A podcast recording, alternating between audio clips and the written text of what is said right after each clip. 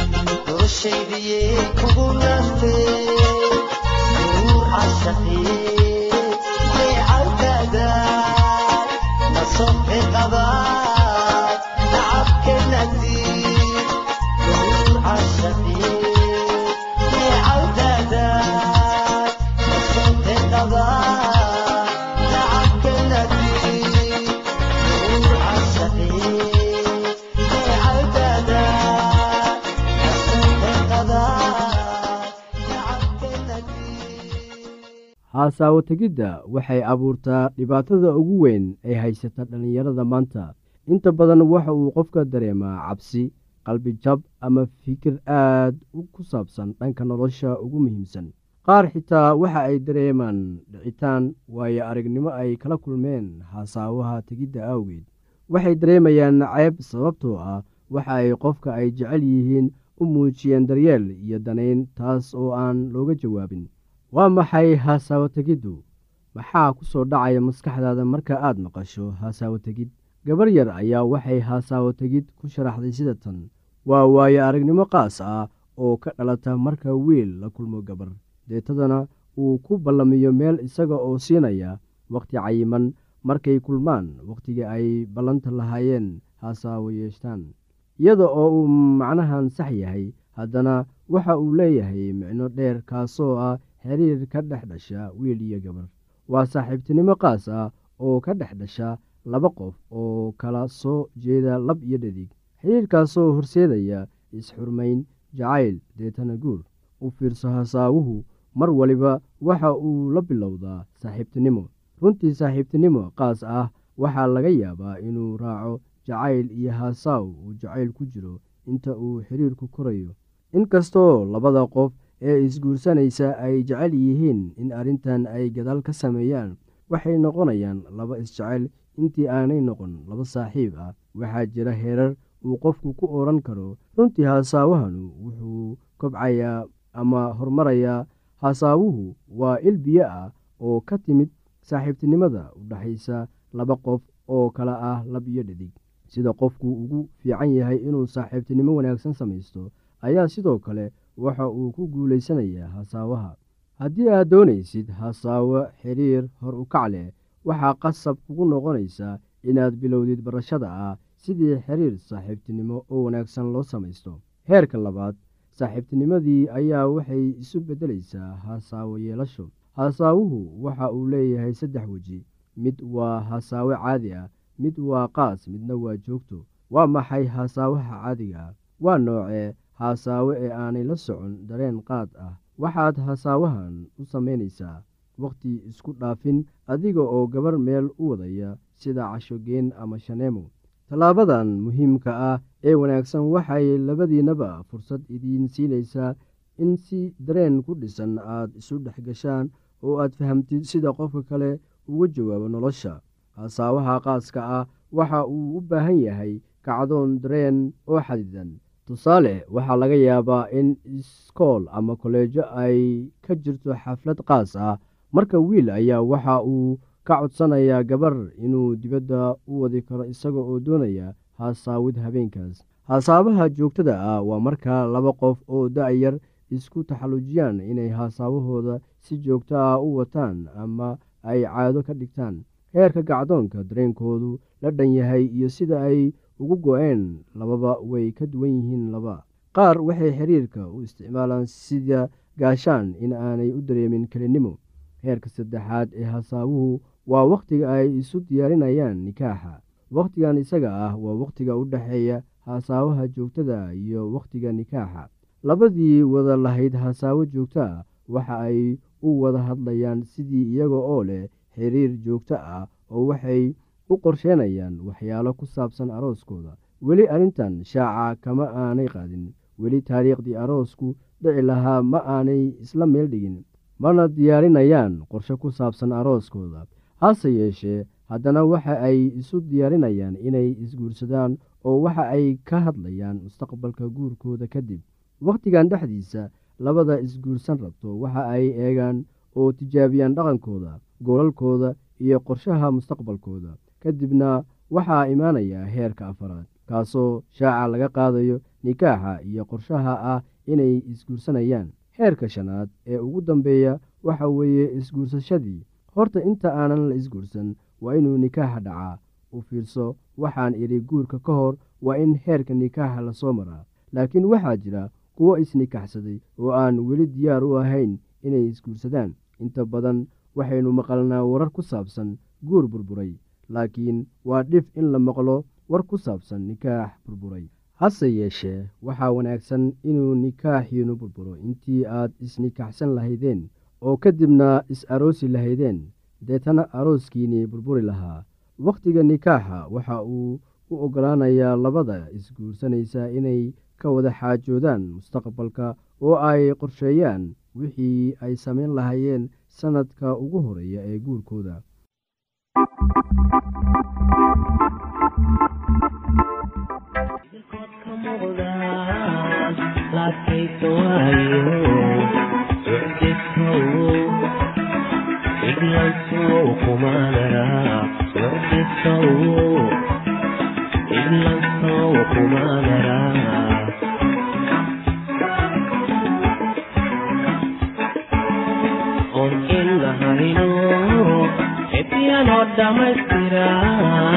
olkiinahayno ekleenoo dhammaystiran astaantii soomaalidu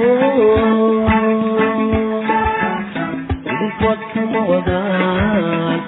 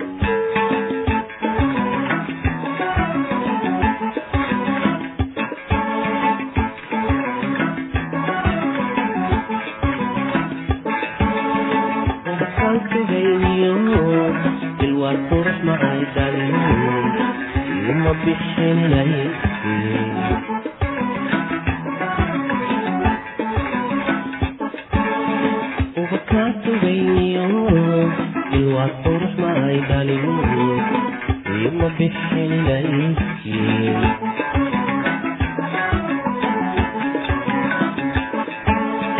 ayamaha filayniyo anigee ma titay ayamaha filayniyo anigee ma titay iwaadidkaa sowmaynan baqaadka nolosha waa darka gurigme ruxdisow idlasmow kumaanara ruxdisow londonsow kumaanara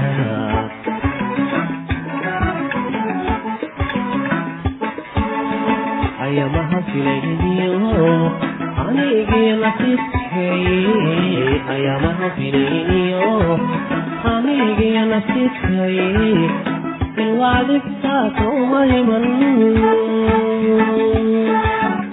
ambaqaadka nolosha inta beerata gurigee socdisow iglasow kuma naraag socdisow lalasow kuma naraag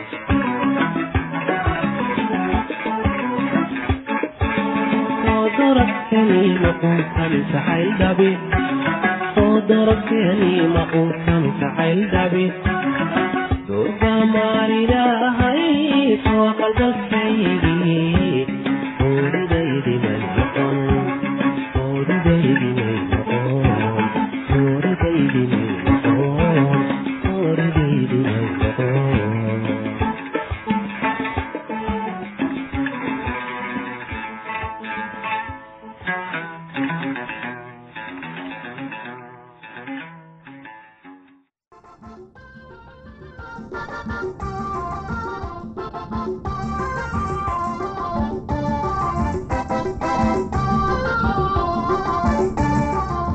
dhegeystayaasheena qiimaha qadarinta mudanu waxaad ku soo dhawaataan barnaamijkeenii caafimaadka. Oon kaga hadlaynay tusaha tusaalaha caafimaadka.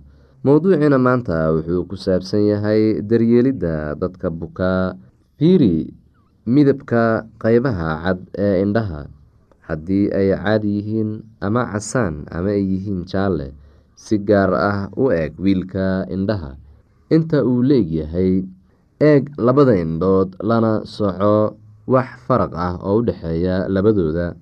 Faraq u dhexeeya isla ekaanta indhaha haddii ay jirto ugu yaraan waxa uu u baahan yahay gargaar deg dega oo caafimaad.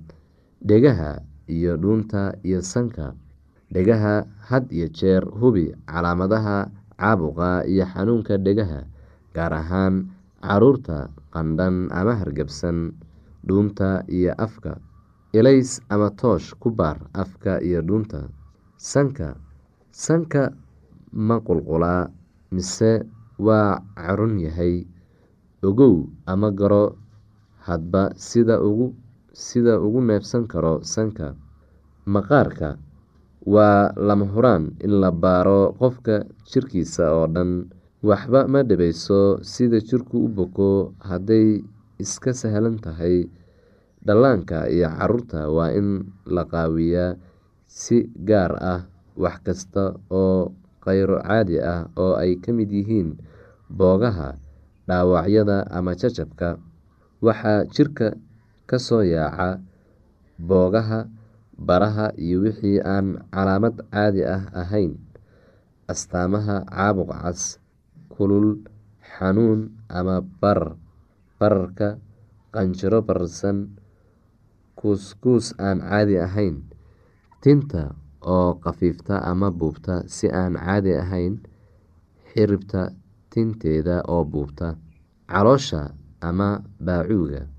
Calooshu haddii qof ay xanuuneyso ku dadaal inaad hesho meesha dhabta ah ee danqaneysa baro ama aqoonso in xanuunku joogto yahay ama mar yimaado marna tago sida calool majiirka muruqyada iyo dareemayaasha.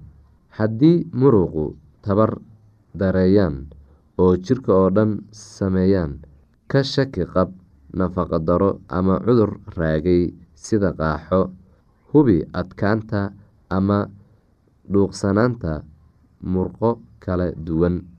Sida loo daryeelo qofka buka jiradu waxay macluul ama tabardaro u keentaa jirka si loo helo tamar ama caafimaad deg deg ah waxaa loo baahan yahay daryeel gaar ah. Daawooyinka had iyo jeer looma baahna laakiin daryeelka wacan ayaa muhiim ah. Qofka buka waa inuu helaa nasasho degan meel raaxo leh ilays iyo neecow fara badan waa in laga dhowraa kulaylka iyo qabowga xaddhaafka ah dareerayaasha ama sharaabka. Ugu dhowaan jiro kasta gaar ahaan marka ay jiraan qandho ama shuban qofka jiran waa inuu cabaa sharaab fara badan biyo shaah ama waxyaabo kala duwan. Nadaafadda qofka waa lagama maarmaan in had iyo jeer qofka bukaa uu nadiif yahay. Haddii uu qofku bukaa wax cuni karo si qofka bukaa waa inuu cabaa biyo fara badan uuna cunaa raashin jirka dhisa oo nafaqo leh. Cuntada tamarta keenta waxaa loo baahan yahay inuu qaato. Waxaa aada iyo aada loogu baahan yahay in qofka aada u jirani uu helo biyo ku filan. Haddii uu qaadan karo wax yar markiiba u sii in yar haddii laqiddu dhibayso u sii kakabasho shan daqiiqo ama toban daqiiqo markiiba. Cabir inta ay la-egyihiin biyaha uu bukaanku qaato maalin kasta. Qofka weyn wuxuu u baahan yahay laba litir ama in ka badan maalintiiba waana inuu kaadshaa saddex ilaa afar jeer maalintiiba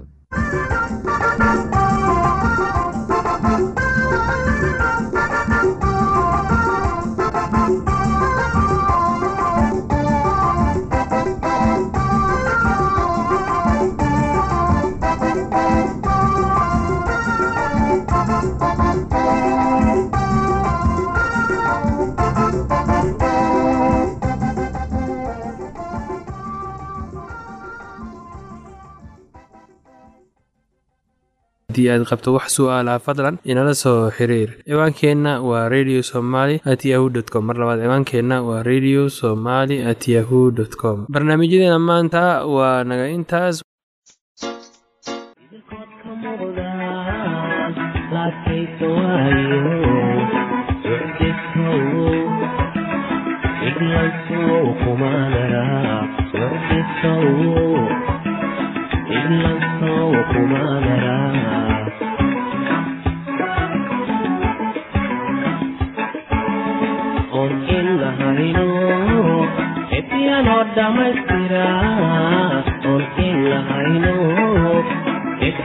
dhamaystiran astaantii soomaalidu idinkood kama wadaan laadkaysa waayo muxdisow iglansow kumaanara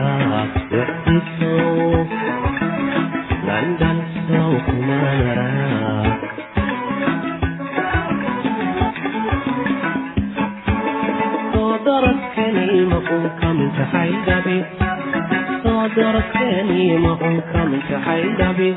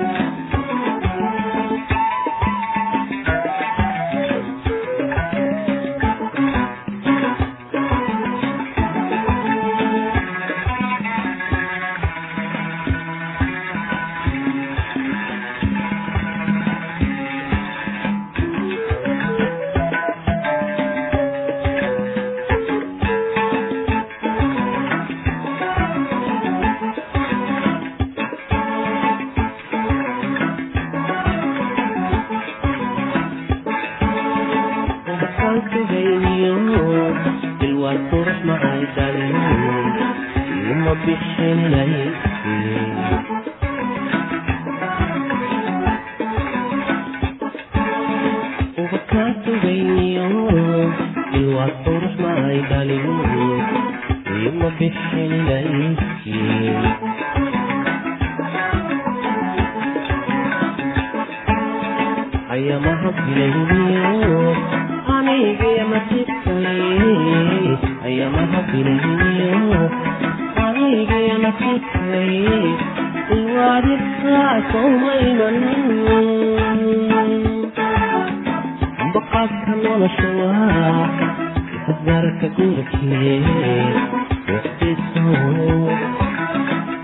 iglansow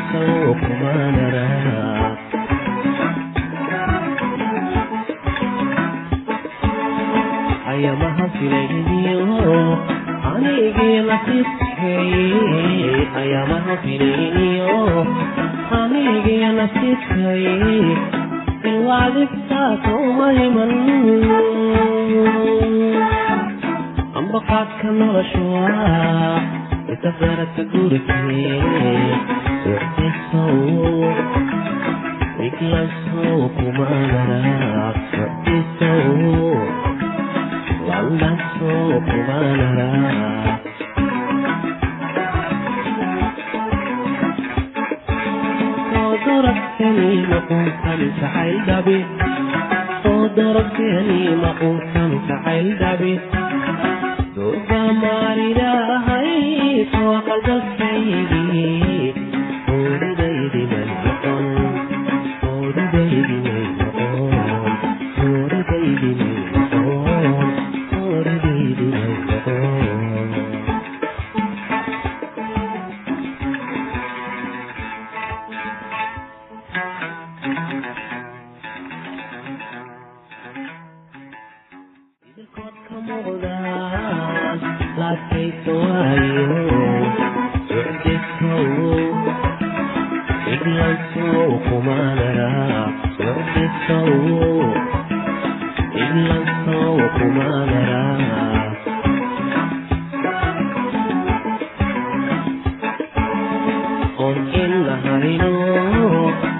ayaanoo dhammaystira oolkiin lahayno etiyanoo dhammaystiraan astaantii soomaalidu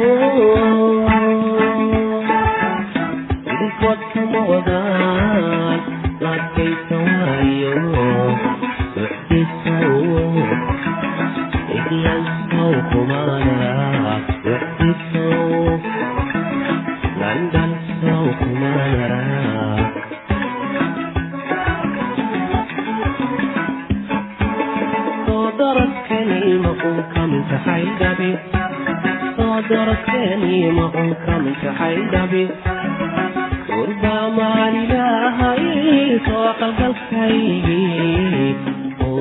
غير ميت